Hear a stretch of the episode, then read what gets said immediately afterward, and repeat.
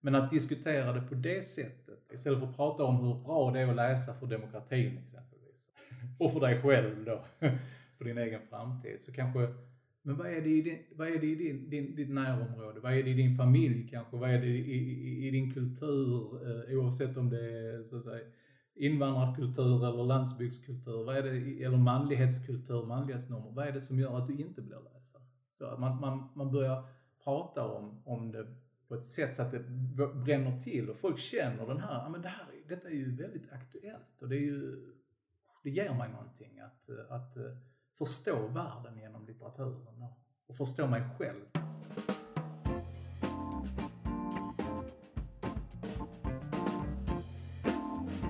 Hej och välkomna till Kulturparken Smålands eh, podcast. Eh, idag är sändningen inte riktigt som vanligt. Vi har åkt till Helsingborg för att träffa Jimmy Vulovic som är eh, forskare, journalist, föreläsare. Stämmer bra ja. Och vi har också lite annan inspelningsutrustning. Vi sitter i köket hemma hos Jimmy om ni tycker att det låter lite annorlunda än vanligt. Men vi hoppas det ska funka. Lite skånskt. Ja.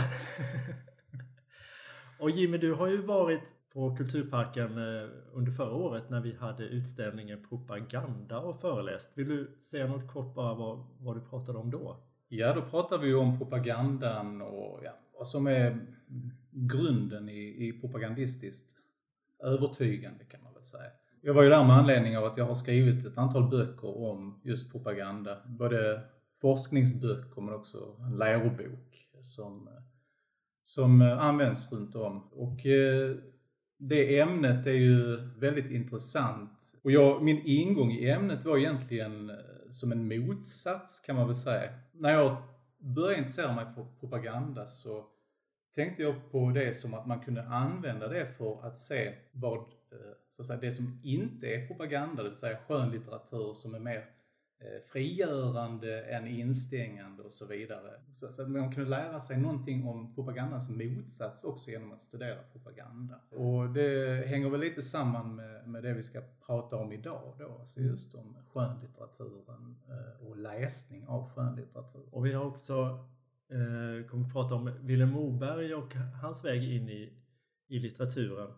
Och det var ju tänkt att du skulle varit på Utvandrarnas hus och hållit det här som en föreläsning men då gör vi det här som en podcast istället. Ja, men det blev trevligt.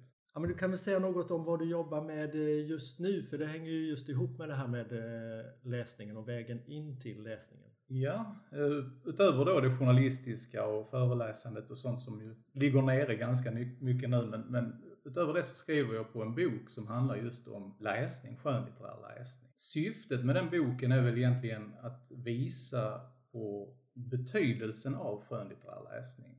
Men också på hur man skulle kunna locka fler att bli läsare av skönlitteratur.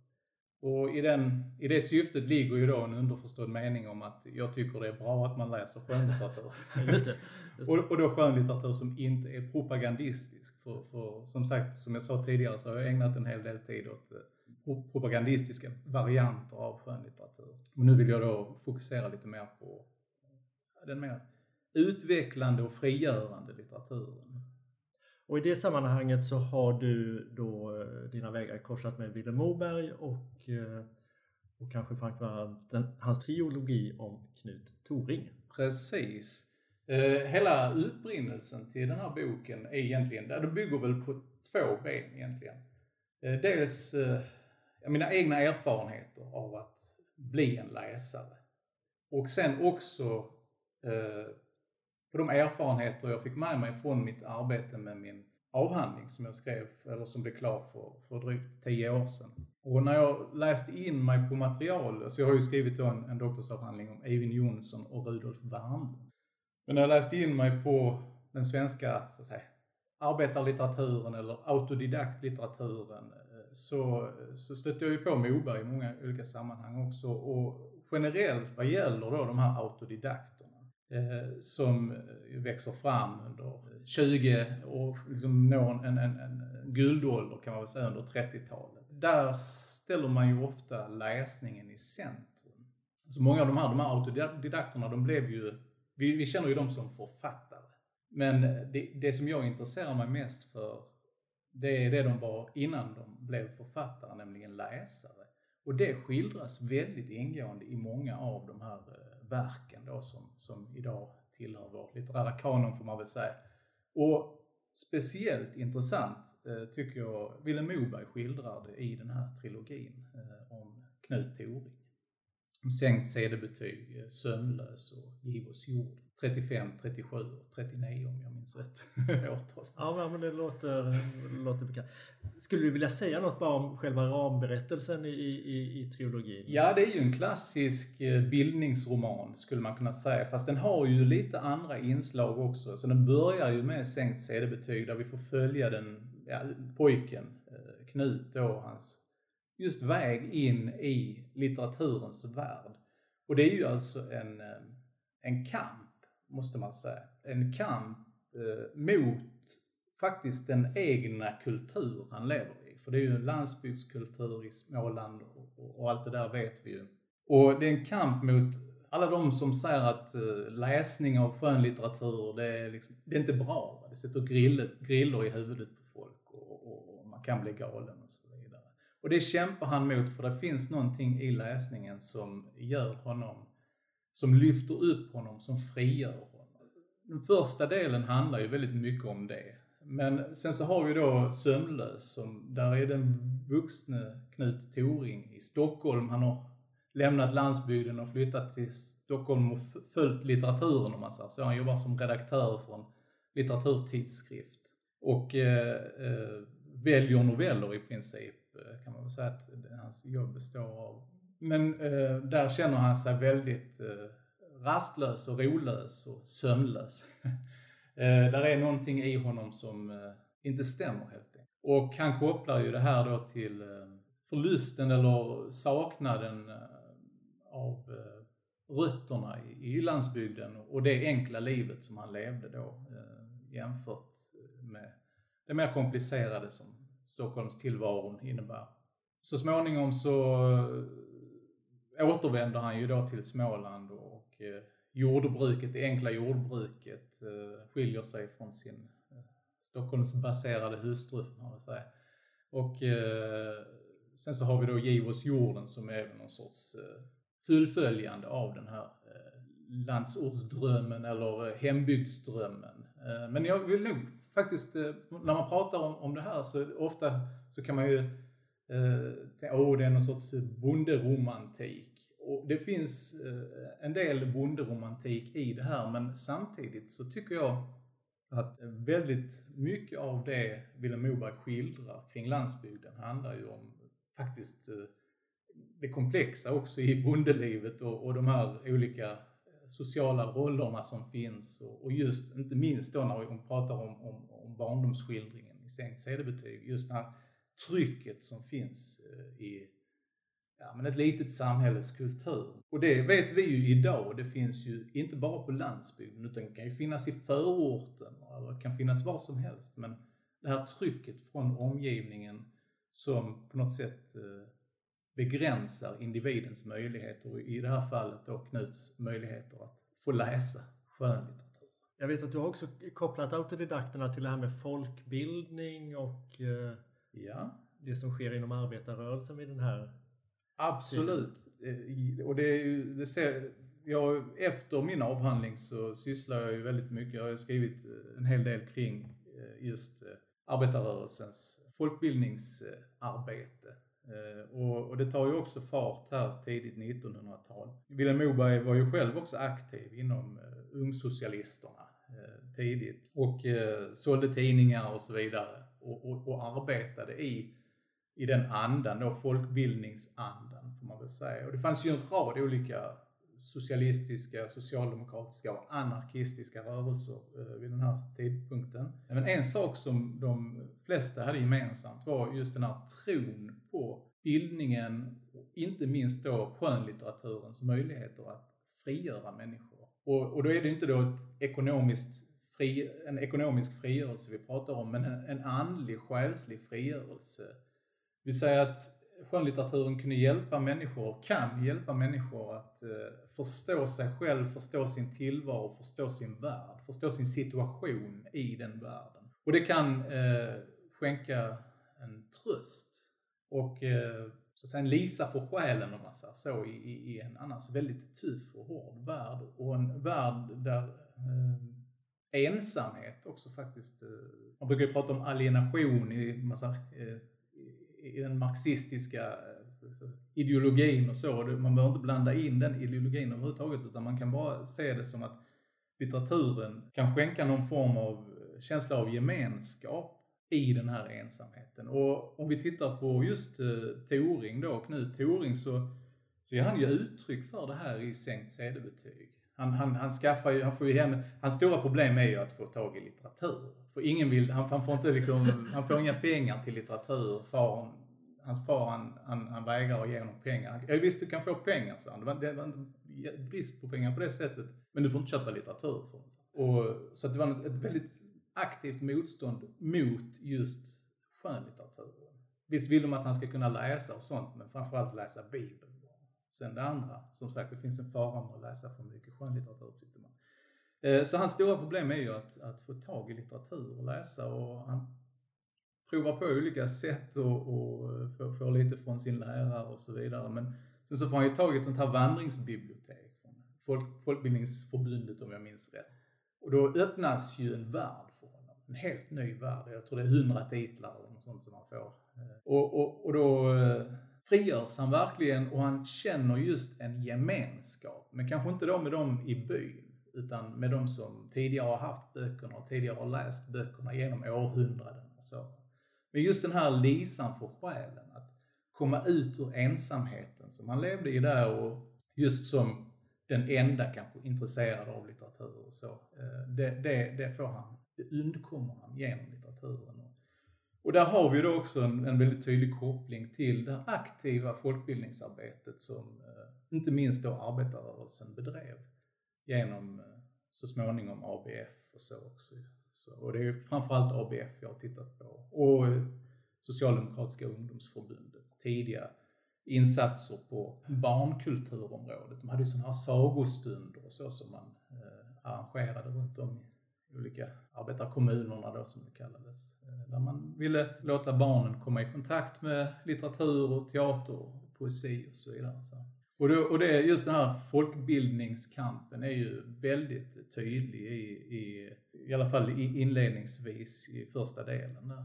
I, i vilken mån eh, tolkar du eh, Vilhelm Moberg och och Toring i, i förhållande till varandra? Är... Eh, det är alltid en, en fara det där med när man pratar om, jag har ju sysslat väldigt mycket tidigare med Eivind Jonssons eh, romanen om Olof exempelvis. Så all, all den här tematiken finns även där, men jag tycker just när det gäller läsandet så fokuserar Moberg väldigt mycket på, på det och därför så lyfter jag fram honom i den boken jag skriver nu. Men eh, det där med, alltså sanning är ju ett intressant begrepp på många sätt. Och forskningen visar ju tydligt att det här är ju inte sanning i detalj. Eh, det är ju, det är ju uppväxtskildringar brukar man kalla dem och de är ju självbiografiskt inspirerade eller influerade. Och, eh, men det är ju inte sanning i detalj utan de är ju dramatiserade. Men sen är ju då frågan, eh, för eh, jag vet Eivind Jonsson pratar mycket om det här att ibland kan den sanningen eh, bli mer sann än själva sanningen. Och det har ju också att göra med för att det här, de vet ju vart hen deras liv gick. Och i stunden så kanske de inte visste att det ena eller andra var viktigt. Men när de så att säga fick facit så småningom så kunde de ju titta tillbaka på sina liv och se att det här var ju väldigt viktigt. Detta var ju jätteviktigt. Kanske en händelse eller, eller något sånt. Då. Och då kan de förstora upp den händelsen eller dramatisera den på ett sätt att den träder fram och, och blir viktig.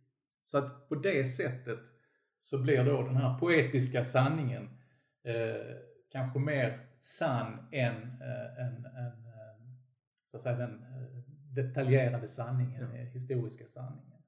Men det, man måste alltid när man sysslar med skönlitteratur som någon form av kunskapskälla så måste man alltid ha med detta i beräkningen Eh, och, vara försiktig. Men nu är det ju inte så att jag, jag är ju inte så att säga, biografiskt inriktad på eh, när det gäller Moberg här, utan jag är ju mer intresserad av den process som gör honom till läsare. Eh, och, och vad han måste igenom för att kunna bli läsare. Och det jag tycker är intressant med det här eh, är ju när jag själv läste det här, eh, de, de, alla de autodidakterna, så var det, alltså igenkänningsfaktorn var väldigt hög. Alltså det var väldigt, väldigt enkelt att eh, läsa sig själv mellan raderna i de böckerna. Och då pratar vi om Evin Jonsson, Moberg och så vidare. Moa Martinsson också. Eh, det är liksom en, en, en viss eh, kultur som skildras. Och den kulturen lever ju kvar fortfarande idag. Någon form av anti-intellektuell hållning eller någon form av eh, ja, men motstånd mot det här läsandet som, som man helst av allt kanske ville ägna sig åt. Och då, som redan tidigt när jag läste alla de verken och läste in mig inför, inför avhandlingsarbetet så, så, så såg jag intressanta spår som det här. Detta är ju, detta är ju väldigt aktuellt även i vår tid. För i, även idag finns det ju väldigt många unga människor som inte lever i en kultur som, där läsning, eh, skönlitterär läsning, det är ingenting man direkt eh, pushar för eller eh, som man prioriterar helt enkelt. Och det, det är sant oavsett om du är invandrare inom förort eller om du är ung grabb på, på landsbygden. För ofta handlar det ju kanske om, om pojkar då som är mindre benägna att läsa. Just, det har ju mycket med ja, men de förväntningarna, kulturella förväntningarna som finns, både inom en viss kanske ja, förortskultur eller landsortskultur, men också den här manlighetsnormen som finns. Och det blir ju då hinder för de här unga grabbarna att ta sig förbi innan de ens eh, kan öppna en bok. Man måste på något sätt eh, ha någon form av argument kring varför ska du, varför, varför man läser. Eh, och så är det ju inte för alla. Och det tyckte jag var intressant när jag läste autodidakterna, att det, det skildras väldigt ingående i deras verk. Fast det då skiljer x antal årtionden. Va? Men det är som om den tiden däremellan, när man läser sig själv mellan raderna där och sina egna erfarenheter, för det, jag har ju också de erfarenheterna ja. med mig, liksom, att ta mig förbi de hindren. När man läser sig själv mellan de raderna så försvinner tiden på något sätt. Och man kan, ja, man förstår det som, som Moberg exempelvis tar upp på ett helt annat sätt och på ett väldigt aktu aktuellt sätt. Ja. Och hur läser du där då? Vad var, var det Knut Torings drivkraft liksom in, in i litteraturen? Ja, det är också en sån annan sak som, man brukar prata om läsfrämjande aktiviteter och så. ofta handlar ju, idag handlar ju de, i skolan exempelvis, så handlar det väldigt mycket om att man, man, den praktiska nyttan man har av att läsa. Och det är ju jätteviktigt. Alltså, som, det är ju en demokratifråga, att, att alla kan läsa som, som de ska. Eftersom att ens förutsättningar i, i ett skriftbaserat samhälle är ju betydligt sämre om man inte kan hantera skriftspråket. Så är det ju bara. Så att det är en jätteviktig demokratifråga och den här praktiska nyttan av läsning. Sen är jag inte så säker på att eh, det säljer in läsningen bland de här eh, barnen och ungdomarna då. För att jag tror, jag tror man, man, måste ha lite mer. Alltså jag började inte läsa för att det var bra för demokratin exempelvis. inte ens faktiskt för att det var bra för mig själv eller min framtid. Det var inte därför jag började läsa. Om, om jag skulle tänkt på min framtid när jag var i 20-årsåldern, 19-20-årsåldern, 18-20-årsåldern. Då kanske jag skulle sökt ett heltidsjobb istället. Så jag menar, alltså, ja, det, det, ja. det, är liksom konflikter där som, eh, som är som synliggörs när man börjar tänka på det lite med hjälp av då eh, den här autodidaktlitteraturen. Och, och jag tror att om man ser på läsningen mer som en existentiell fråga, så det, de här existentiella eh, aspekterna av läsningen, just det jag pratade om tidigare med att man kanske finner en gemenskap i sina ensamheter eller att man eh, förstår sin eh, livs situation. Eh, oavsett om man är en bondepojk på landet eller förortsgrabb i, i, i, i stan. Oavsett så kan man då, eller tjej för den delen, alltså vi ska inte, men, men ofta så är ju de här problemen mer kopplade till, till pojkar än flickor. Eller hindren i alla fall. Och att läsning blir lite mer eh, en fråga om liv och död. Precis som eh, det faktiskt är för Toring då eh, inledningsvis. Att det är, är hans livsluft på något sätt. Och hans eh, möjlighet, just som jag sa tidigare, att frigöra sig och bli en individ. Den individ han vill bli. Och det är också en sån sak som jag ofta när jag pratar om skillnaden mellan propagandistisk litteratur exempelvis och, och, och mer befriande, frigörande litteratur. Så propagandisten vill ju liksom att du ska läsa för att du ska bli den som propagandisten vill, eller marknadsföraren för den delen. Men, men författaren vill ju att du ska läsa för att du ska bli den du är och inte den eh, någon annan vill att du ska vara. Så att, eh, och det är, det är de frågorna som jag tror att man måste komma in mer på om man ska locka eh, just yngre att läsa och att bli riktiga läsare. Och då menar jag inte att man läs, har läst en bok liksom, utan att man läser på riktigt. Och det har ju skönlitteraturen, eh, romanen exempelvis, har ju ett oerhört eh, så det är ju skönlitteraturens säljargument skulle jag vilja säga.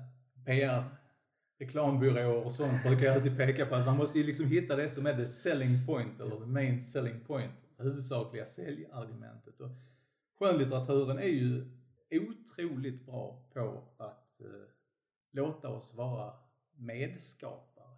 Om man tänker sig att, eh, ofta om man frågar någon som har läst eh, romanen och sett filmen, och vilken som var bäst, vilken som gav mest, då, romanen eller filmen. De flesta säger alltid romanen. Och jag tror att det har att göra just med att en film är ju på något sätt redan föreställd och visuellt synliggjord eh, när vi tar del av den. Men en roman, den blir ju föreställd och visuellt eh, synliggjord i våra egna medvetanden. En roman är ju inte egentligen fullbordad i, eh, där den står i en bokhylla. En roman, en roman fullbordas ju när vi läser den. Det är då den blir hel. I den läsningen tar vi ju med då våra egna erfarenheter. Som jag pratade om tidigare, det här med att kanske ha en erfarenhet av att eh, tvingas över de hindren som Toring eh, tvingas över och så. Och då kan vi mellan raderna få syn på våra egna erfarenheter på ett helt annat sätt och, och, och just bearbeta och förstå också oss själva faktiskt. Inte bara romanen som någon form av produkt eller textmassa. Bokstäverna får inte liv förrän de läses av någon och den någon kan på något sätt, eh, den har ju hälften av rättigheterna kan man säga just till den läsningen. Eh, och, och, och, så, och, där, är ju, där är ju romanens styrka, eller skönlitteraturens styrka överhuvudtaget. Och det är där någonstans man, man, kan sälja in läsandet som, som unikt och något oerhört givande. Om man tänker så, så det är ju, i grunden är det ju ganska jobbigt att läsa en roman.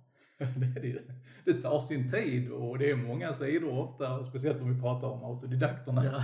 litteratur så är det ju så är det ju väldigt, väldigt många sidor. Men det, det är ju inte, det är inte helt uh, okomplicerat och, och, det är ju inte utan ansträngning man säger så. Så det är mycket enklare att titta på en tv-serie eller spela ett tv-spel eller uh, titta på några TikTok eller YouTube-videos och så. Det är mycket, mycket enklare och det är mycket, mycket mer underhållande på det sättet för att det är enklare. Så att den här underhållningsaspekten, visst den kan vara kanske lockande men det är sällan det som säljer in läsandet tror jag. Utan det är det här mer existentiella som man bör fokusera på. Tycker du eh, de författarna vi har nämnt här under, under samtalet, har de hamnat lite i glömska idag? Är det mer, vill man mer sälja in läsning med hjälp av eh, Zlatan eller eh, deckare eller annat? Eller hur, ja, jag tror, jag hur, tror, kan vi, hur kan vi använda oss av autodidakterna idag? Ja, jag, jag, tror just faktiskt att, att man, eh, just när man, om man använder de erfarenheterna som gestaltas. Eh, Zlatan tycker jag också är ett, det är också ett jättebra exempel faktiskt på hur, eh, hur man kan få människor att, eller de människorna som normalt inte läser, hur man kan få dem att, att läsa. Och ja, vad handlar den boken om? Ja men den handlar just väldigt mycket om, alltså hade den skrivits på 30-talet så hade vi undervisat om den, eh, faktiskt tror jag, eh, som någon sorts, eh, nu är inte det bildning eller författarskap han mynnar ut i, men det är en levnadsteckning som, som många av de problemen som Zlatan har stött på genom livet är ju också de som autodidakterna stöter på. Just när man, de liksom åker från landsbygd till stad och alla de konflikterna som uppstår. Och han han, han så att säga, åker, åker från en del av staden till resten av staden. uh, väldigt sent i livet om jag förstår. Han var runt 16, 16 år och sånt när han åkte in i Malmö. Uh, alltså själva Malmö då för, för, första gången om jag minns rätt från boken. Men du förstår, alltså, och, och, det är också, där, där ser man, där bränner det till på något sätt. Där uh, Eh, för den lyfter upp sådana erfarenheter som, som, eh, som handlar väldigt mycket om liv och död faktiskt, om existens och en, ens egen plats på jorden och hur man ska kunna ja, överleva och känna någon form av gemenskap och, och må bättre. helt enkelt. Så att där, visst, Zlatan och så, men, men jag, jag, tror inte på det här med alltså, att själva underhållningsargumentet i sig, utan jag tror det har att göra med just det existentiella i, i, i de verken. Eh, underhållningsargumentet, det är, det är svårt att sälja in någonting när man har så många konkurrerande eh, medieformer och aktiviteter.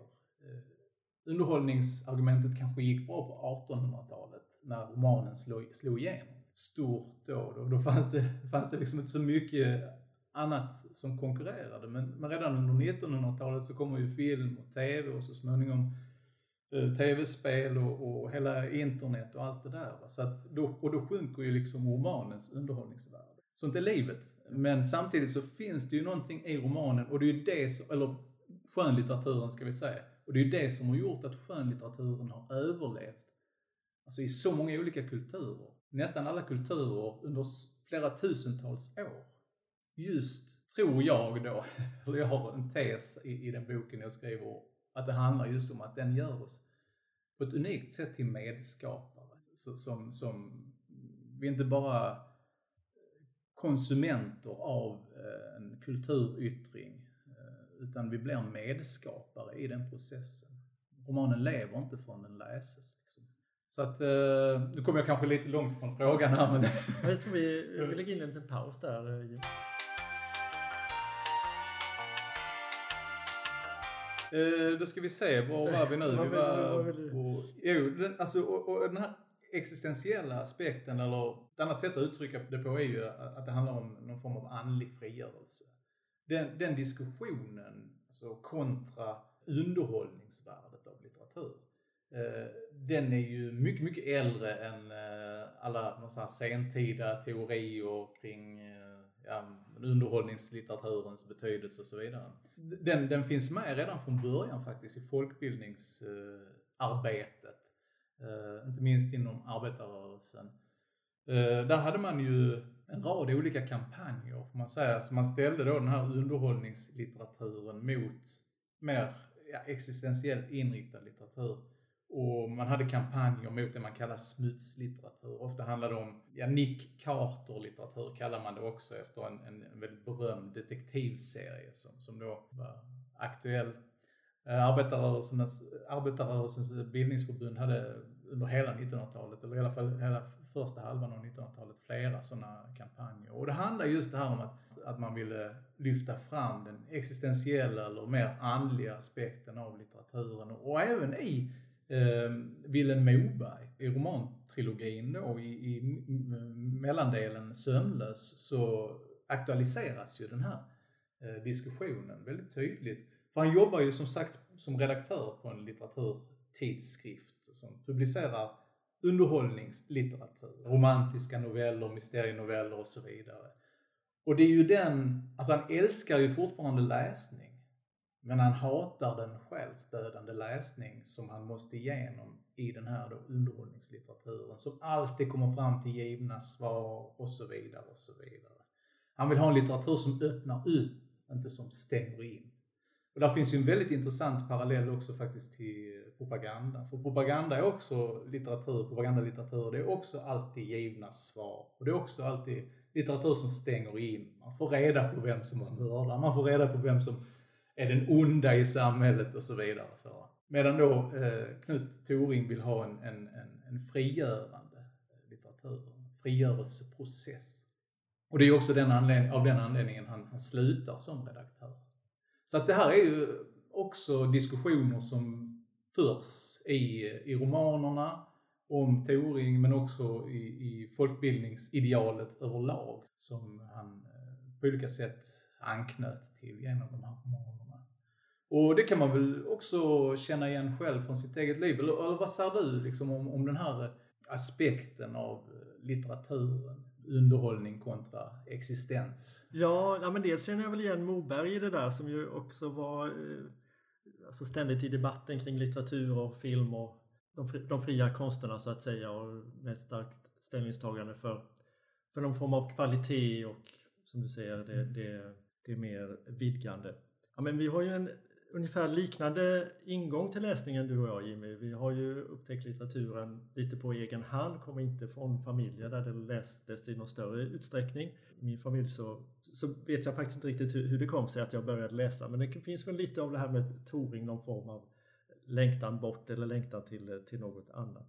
Mm. Den författare som fanns med var ju just Moberg och arbetarlitteraturen mm. också i, när man som jag då är upp, växte upp i Växjö så har ju Moberg liksom rent eh, geografiskt funnits nära till utvandrarbygder och mm. eh, ja, Moshult och Moshulta måla och, mm. eh, och sådant. Så han har ju funnits med eh, även, om han kanske, även om hans litteratur inte var så levande i, i ord så ändå någon form av själsligt närvarande då. Mm.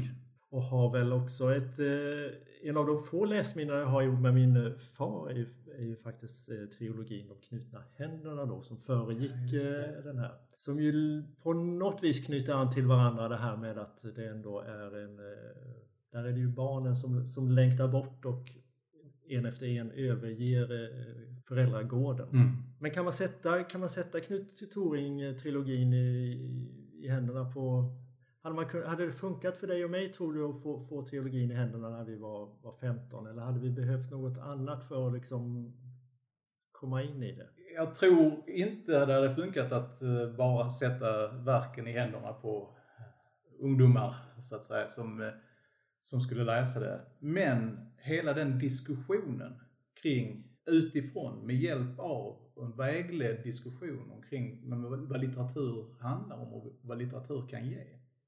Där man just plockar upp Moberg exempelvis eh, som ett av, av, många möjliga exempel på svenska författarskap, men det finns ju, detta, detta finns ju globalt. Liksom. Eh, och eh, att man, det är liksom mer den här diskussionen omkring eh, och eh, men, men just det här att bara, som man gjorde kanske på 70-talet, man kastade ut ett, ett, ett, ett gäng arbetarlitteraturböcker läs de här liksom och identifiera er. Det, det, det funkar inte riktigt så tror jag. Eh, men att våga diskutera eh, det som bränner till. Ofta när man pratar om litteratur, nu är det kanske en fördom jag har, men eh, man pratar ju, man plockar fram litteratur som betonar alla likas värde och allting sånt och det är ju jätteviktigt. Men jag tror att om man ska få folk att lyssna så tror jag, vilka erfarenheter har du av att inte känna dig lika värd? Alltså jag tror att man ska vända på det lite. Att man inte bara pratar om idealet med alla likas värde och så, utan att man faktiskt pratar om erfarenheten som finns av att inte känna sig lika mycket värd som någon annan då, oavsett vem det är man jämför sig med. Det finns ju i alla riktningarna det där. Men att diskutera det på det sättet med hjälp av Eh, och vilka svårigheter en, en, kanske en viss bakgrund ger. Med olika, istället för att prata om hur, eh, oh, hur bra det är att läsa för demokratin exempelvis. Och för dig själv då, för din egen framtid. Så kanske, men vad är det i, din, vad är det i din, din, ditt närområde? Vad är det i din familj kanske? Vad är det i, i, i din kultur? Eh, oavsett om det är så att säga invandrarkultur eller landsbygdskultur, vad är det, eller manlighetskultur, manlighetsnormer, vad är det som gör att du inte blir läsare? Så att man, man, man börjar prata om, om det på ett sätt så att det bränner till och folk känner den här, men det här, detta är ju väldigt aktuellt och det, är ju, det ger mig någonting att, att eh, förstå världen genom litteraturen och förstå mig själv genom litteraturen. Det, det tror jag, där tror jag, en, en diskussion på det sättet, i, i, den diskussionen tror jag att ett författarskap som Mobergs skulle kunna blomstra faktiskt. Och det bränner till i Turing-trilogin? Absolut. Och det är ju väldigt smärtsamt stundtals, eh, men så är ju livet när man ska över hinder. Det är ju smärtsamt. Men eh, efterhand så, så när man får perspektiv så förstår man att eh, vi är ju alla glada att Moberg blev läsare till exempel. Eh, och, och då här genom Knut Toring. Det är vi väldigt glada för. Men, men det var inte lätt. Men det var en kamp. Tack så mycket Jimmy för det här samtalet. Tack själv. Nästa onsdag den 6 maj blir det ingen ny poddsändning utan vi är tillbaka veckan på. Onsdagen den 6 maj blir det istället en arkeologisk vandring på stadsdelen Hov i Växjö med Per Andrén. Samling vid Mariakyrkan klockan 18. Det här är en podd som ges ut av Kulturparken Småland, dagens gäst Jimmy Vulovic, teknik och redigering Kim Lindstedt och producent Petter Eriksson.